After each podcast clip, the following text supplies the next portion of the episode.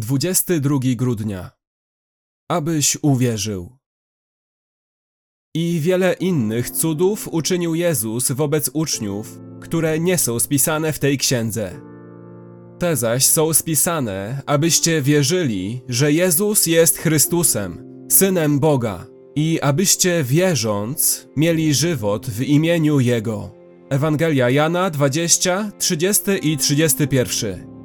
Mam głębokie poczucie, że pośród tych z nas, którzy dorastali będąc w kościele, którzy przez sen potrafią wyrecytować wielkie doktryny naszej wiary, a mimo to ziewać podczas deklamacji apostolskiego wyznania wiary, że pośród nas musi się coś wydarzyć, abyśmy na nowo poczuli zachwyt, bojaźń, cudowność Syna Bożego, zrodzonego z Ojca przed wszystkimi wiekami odbijającego całą chwałę Boga, będącego obrazem Jego osoby, przez którego wszystko zostało stworzone, który podtrzymuje słowem swojej mocy cały wszechświat.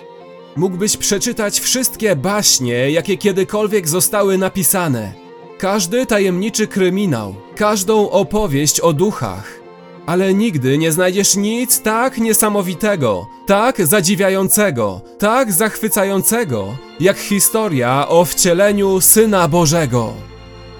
Jak martwi jesteśmy, Boże, jak zatwardziali i nieczuli jesteśmy na Twoją chwałę i Twoją historię.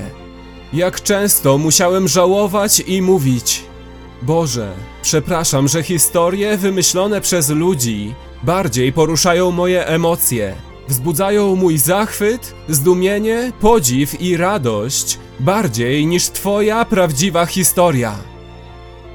Sądzę, że kosmiczne thrillery filmowe naszych czasów mogą przynieść przynajmniej tyle dobrego. Mogą uniżyć nas i doprowadzić do upamiętania, ukazując nam, że jesteśmy zdolni do zachwytu i zdumienia, ale że zbyt rzadko odczuwamy te emocje, rozważając o wiecznym Bogu, nieskończonej chwale Chrystusa oraz prawdziwym, żywym kontakcie z Nim w Jezusie z Nazaretu. Gdy Jezus powiedział: Na to przyszedłem na świat, Jana 18:37, było to bardziej szalone, dziwne i niesamowite stwierdzenie niż jakiekolwiek inne, które mogłeś przeczytać w książkach science fiction. Jakże modlę się o wylanie Ducha Świętego na mnie i na Ciebie, aby Duch Święty w potężny sposób wkroczył do mojego życia, abym obudził się i ujrzał niewyobrażalną rzeczywistość Boga. Pewnego dnia błyskawica wypełni niebo od wschodu do zachodu, a na obłoku pojawi się Syn Człowieczy wraz ze swoimi potężnymi aniołami, otoczony płonącym ogniem. I zobaczymy go wyraźnie. I bez względu na to, czy towarzyszyć nam będzie przerażenie lub sam zachwyt, zadrżymy i będziemy się dziwić. Jak to było możliwe, że cały czas żyliśmy w przeświadczeniu o tym, że Chrystus jest taki oswojony i nieszkodliwy?